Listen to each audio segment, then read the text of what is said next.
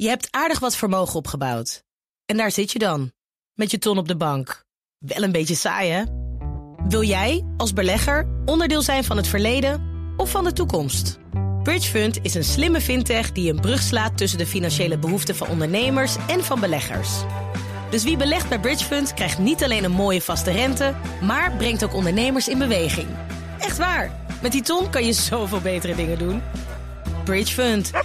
Make money smile. BNR Nieuwsradio. De BNR Techniek Tour. Thomas Schuurman.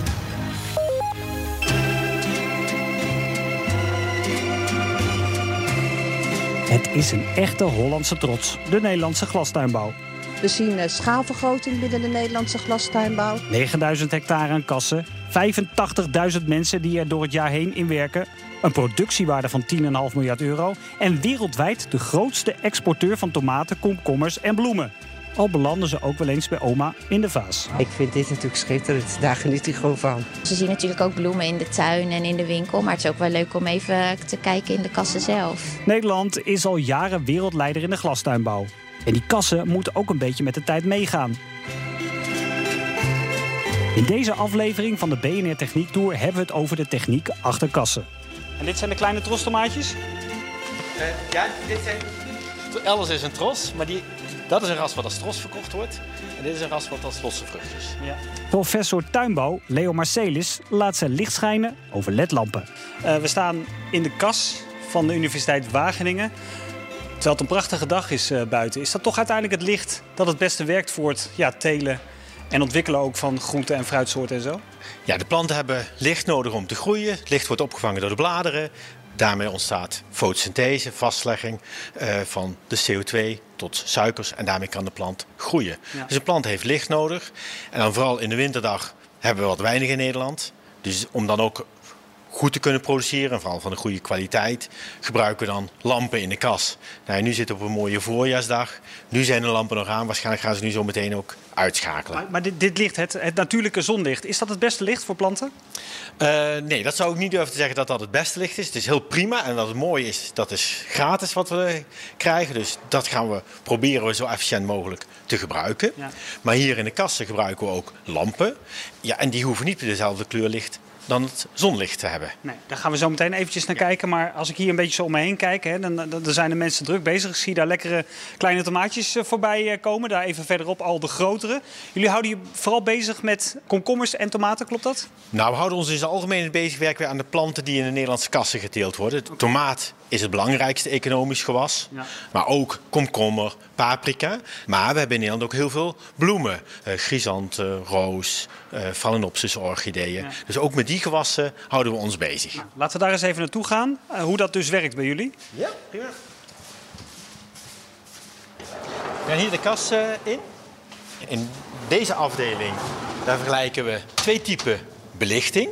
De ene is de, de, stand, laat ik zeggen, de standaardbelichting in de tuinbouw. Uh, dat is de hoge druk natriumlamp of de Sonté-lamp. Die hangen eigenlijk gewoon bovenin? Die hangen bovenin hier. Je zou kunnen zeggen, nou, dit is een soort uh, straatlamp. Beetje een uh, or oranje gloed. Oh, daar hangt er meteen een grote, wat is het? Ja, er zijn een hommel? Ja, dat is een hommel. Ja, die zijn natuurlijk ook. Ja, oké. Okay. Maar daar kom ik niet voor. nee. Oranje gloeit.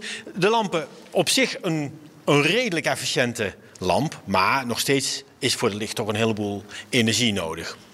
Nou, en dat is een heel belangrijk vraagstuk van, we willen het energiegebruik willen we verminderen. In zijn algemeenheid willen we in Nederland willen we van het gas af, we willen naar de volledig klimaatneutrale kassen. Dus hier ligt een geweldige uitdaging van hoe we met zo min mogelijk licht, ja, zoveel mogelijk in dit geval tomaten kunnen produceren. En tomaten die ook een hele goede kwaliteit hebben. Houdbaar zijn, smaakvol zijn, uh, gezond zijn. Het zijn allemaal verschillende tomaten, zie ik. Tostomaatjes, uh, daar wat kleinere. We hebben hier twee typen uh, rassen. Dus inderdaad een, een, een grove tomaat, grove trostomaat en een kleine cherry tomaat. Ja, en hoe warm is die traditionele lamp?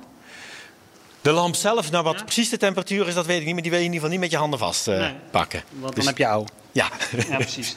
Dus dan hier wordt gewoon uh, onderzocht hoe het normaal eraan toe gaat, zou ik zeggen? Ja, dus dit is eigenlijk onze referentie. Dit is de standaard teelt. Ja, en nou, dat kunnen jullie dus vergelijken met? Dat kunnen we naar die andere afdeling gaan. En dat vergelijken we dan met ledbelichting. Nou, waarom ledbelichting? De belangrijkste, of de eerste reden is vooral het energiegebruik. Dus het is een stuk minder warm. En het is hier minder warm, dus je voelt dat het klimaat anders is. Nou, dat komt door die lampen. De LED-belichting uh, is efficiënter in het omzetten van elektriciteit naar licht. Dat is één belangrijk aspect. Betekent ook dat er minder restwarmte of overige warmte is. Want die energie die in die andere lampen gaat, uiteindelijk komt die vrij als, als warmte. Nou, dat is ook wat we nu voelen, dat uh, het, het klimaat voelt voelt anders. Het grote voordeel van ledlampen is dat je ze lager tussen bladeren kunt plaatsen. Ja, daarbovenin hebben we dan heel veel licht. Hier onderin, onder dit bladerdek, ja, daar komt helemaal niet zoveel licht. En deze bladeren die zouden ook allemaal fotosynthese kunnen hebben.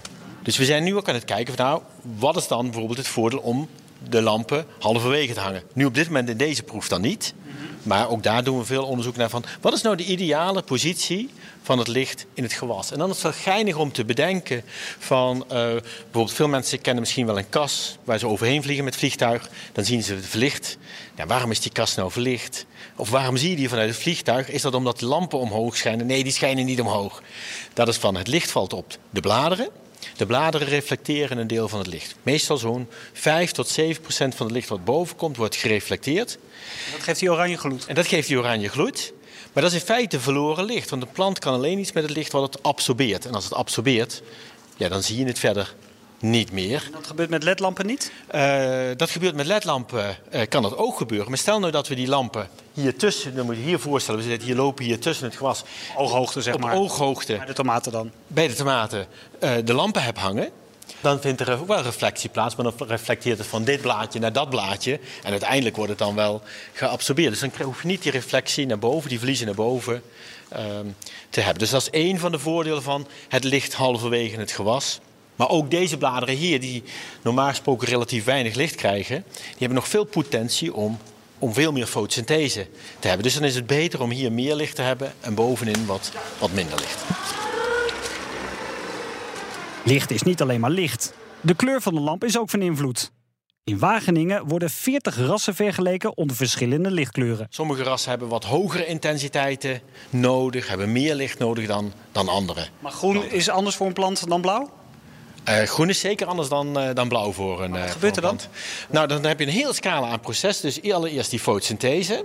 Die is meestal voor rood licht het meest efficiënt dan blauw. Groen is ietsjes minder efficiënt, al lopen daar ook nog wel eens de meningen over uiteen. Veranderen we de licht, dan verandert de nutriëntenopname, dus de mineralenopname van de plant, verandert de verdamping. Ja, dat betekent ook dat we die water- en, en, en mineralengift moeten aanpassen. Dus zo zie je dan een heel complex van factoren uh, die met elkaar samenhangen. En dat proberen we op een slimme manier in zijn, zijn compleetheid te onderzoeken. Zo is er volgens Marcelis nog een hoop te leren en te winnen met ledverlichting in kassen. De kleur, lichtintensiteit, het moment van de dag, koolzuurgasconcentratie, luchtvochtigheid en temperatuur. Ja, het is best complex. De Nederlandse tomaat heeft toch een hardnekkige reputatie, zou ik haast willen zeggen. Dateert uit het ver verleden, zo langzamerhand. De jaren 80 uh, zo'n beetje. De wassenbommen, zoals ja. de Duitsers uh, het noemden. Wat doet het voor de smaak eigenlijk, deze ledverlichting? Zo, licht kan een heleboel doen voor de smaak. Wat we vaak zien, als we wat meer belichten, worden er meer suiker. We vinden meer fotosynthese, meer suikers. Leidt eigenlijk tot. En die meer suikers leiden niet alleen tot meer groei, maar ook tot een, uh, tot een betere smaak van de vruchten. Daarnaast zijn we nu eigenlijk volop aan het kijken van... en wat doet nou die kleur daarvoor? Dat weten we nog niet zo heel goed. Nee. Maar, uh, wel ietsje? Dat doet wel ietsje. Ja? En, ietsje positief? Dat kan, ja, dan hangt het af van welke kleur dat we, dat we kiezen. Dus okay. wij zien het vooral van, nou, kunnen we het beïnvloeden?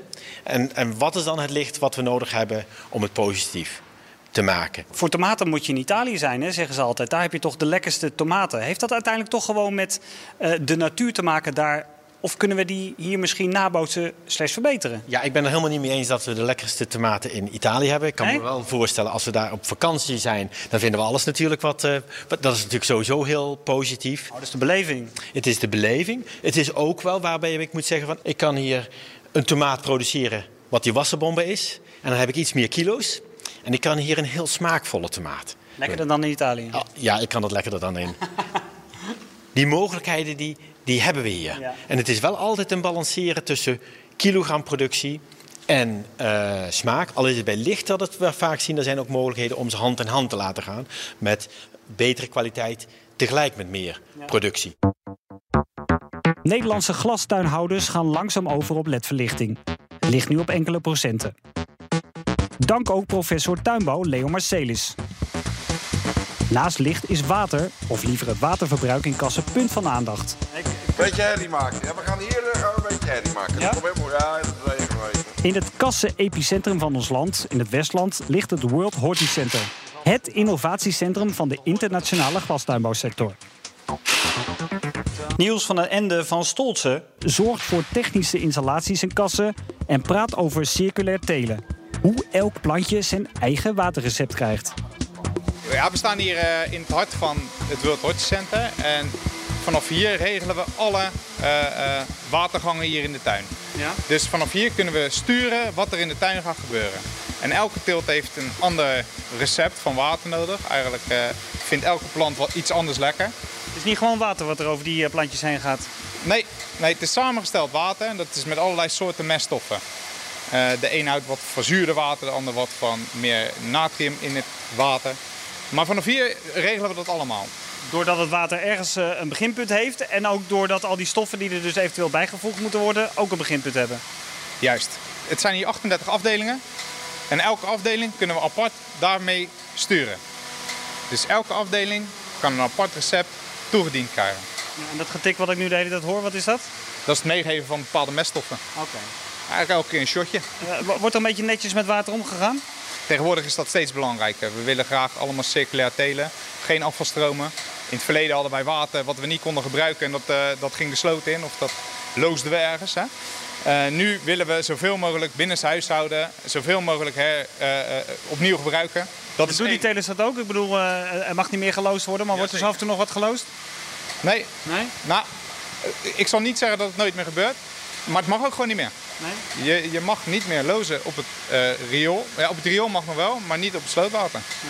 En er bestaan speciale systemen nu ook om alles zo schoon te maken dat als je een reststroom hebt, dat het niet gevaarlijk is voor het milieu en dat je het wel op het riool mag lozen. Betekent dat ook dat je dus ook veel minder water gebruikt? Ja, we gebruiken hier in Nederland sowieso al een heel stuk minder water als in het buitenland. In het buitenland gebruiken we soms wel eens 30 keer meer water om eenzelfde kilo tomaat te maken als eh, hier in Nederland. En kijken ze in het buitenland ook mee naar wat jullie hier bijvoorbeeld doen? Jazeker. Dit is, een- dit is een reclameplaatje voor de rest van de wereld.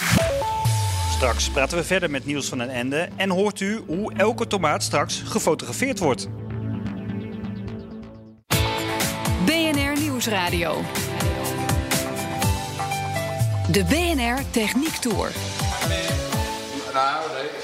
Die slang ophangen en dan moet even met deksels. Dus een uurtje ben ik weg. Welkom terug. We gaan weer naar het World Horticenter, innovatiecentrum van de glastuinbouwsector in het Westland. Niels van den Ende hoorden we al over circulaire watersystemen in kassen. In Stoltse maken ze ook een zogenaamde all-climate kas. Een kas in een kas. De All-Climate Kas is een gedachte om na te bootsen wat er voor klimaat in de wereld ook maar is. Eh, na te bootsen in een kas. En in die kas zetten we nog een kas. En in De bin- echte kas eigenlijk. Ja, de echte kas waarin gestuurd wordt. In die kas willen we wel eens weten wat voor invloed de buitenste schil op de binnenste schil heeft. Dus we gaan extreme omstandigheden kunnen we nabootsen. Waar we kijken Regen, wind, temperatuur. Juist. Regen, wind en temperatuur. Nou is min 20 is wel heel erg lastig. Maar plus 30 kunnen we wel nabootsen. En we kunnen de nacht veel kouder houden als de dag. We kunnen luchtvochtigheid sturen. We kunnen eh, het licht sturen van buitenaf. Waar we kunnen kijken wat heeft dat voor invloed op de binnenste kas. Nou, laten we eens even gaan kijken, eh, want jullie zijn nog in aanbouw. Juist. Wat gebeurt er vandaag bijvoorbeeld? Hier wordt de verwarming gerealiseerd. De verwarming, eh, gewoon eh, oldschool verwarming, radiatortje. Nee, nee, nee, dat gaat tegenwoordig wel anders. Eh, normaal zou je dat wel met eh, buizen doen. Hier is dat nog wat moderner uitgericht door luchtbehandelingskasten. Dus we pakken lucht van buiten, dat verwarmen en dat breng- brengen we naar binnen. Dan krijg je de meest uniforme manier van verwarmen. Dat is het beste te controleren. En wat betreft licht, hè, hoe gaan jullie dat licht eh, hier testen?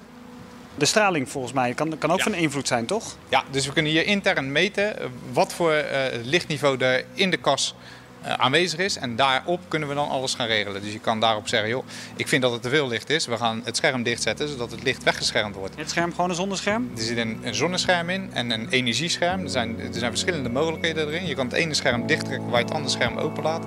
Eh daar kunnen keuzes in gemaakt worden hoe je daar een bepaalde setting geeft aan het klimaat.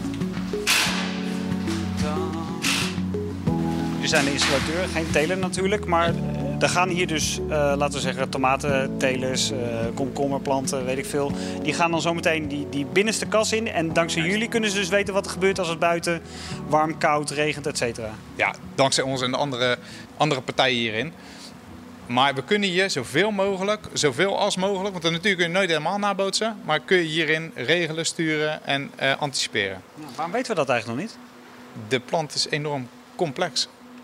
En we weten nog heel veel niet in de wereld. Vooral wat de natuur zelf maakt, weten we veel te Een tomatenteler weet toch wat er ongeveer gebeurt als het mooi weer is buiten? Of warm weer? Ja, hij denkt toch van wel. Oh, dat denkt hij? nee, ja, ik kan niet op de, nee, ik kan niet op de telestoel gaan zitten. Maar het is een, een plant is een enorm complex ding. En we zijn er laatst achter gekomen bijvoorbeeld dat als jij een koude regenval krijgt op je kas... hebben we sensoren opgehangen in die kas om te kijken wat doet dat met een plant. En zijn we er laatst achter gekomen dat die plant eigenlijk die koude regenval toch als een koude deken over zichzelf heen voelt en dat hij soort in de, in de stress gaat. Vindt hij niet lekker? Dat vindt hij niet lekker. Maar dat kun je ook niet voorkomen als het buiten uh, koud regent. Nee, maar we hadden wel om de kas te koelen, deden wij uh, beregening op de kas. En dat was een, een, een, middel om te koelen. En nu zullen we daar anders mee om kunnen gaan. Dat we weten dat die plant er ook wel last van heeft. Dus we kunnen er anders mee omgaan. Maar dat, dat is een klein puntje. Er is nog zoveel te leren van die plant. En dus onderzoekt Niels van den Ende van Stoltse nog lekker even door. Ik ben Peter Hendricks van letsgrow.com. Uh, onderdeel van Batenburg Techniek. Zij kijken naar tiltgegevens om die te kunnen registreren en te kunnen analyseren. De computer regelt inmiddels het kasklimaat, houdt het gewas in de gaten en moet het energieverbruik verminderen. We kijken naar de Plantalizer. Wat is dat? De Plantalizer is een uh, apparaat, is een autonoom rondrijdend apparaat met een aantal camera's erop.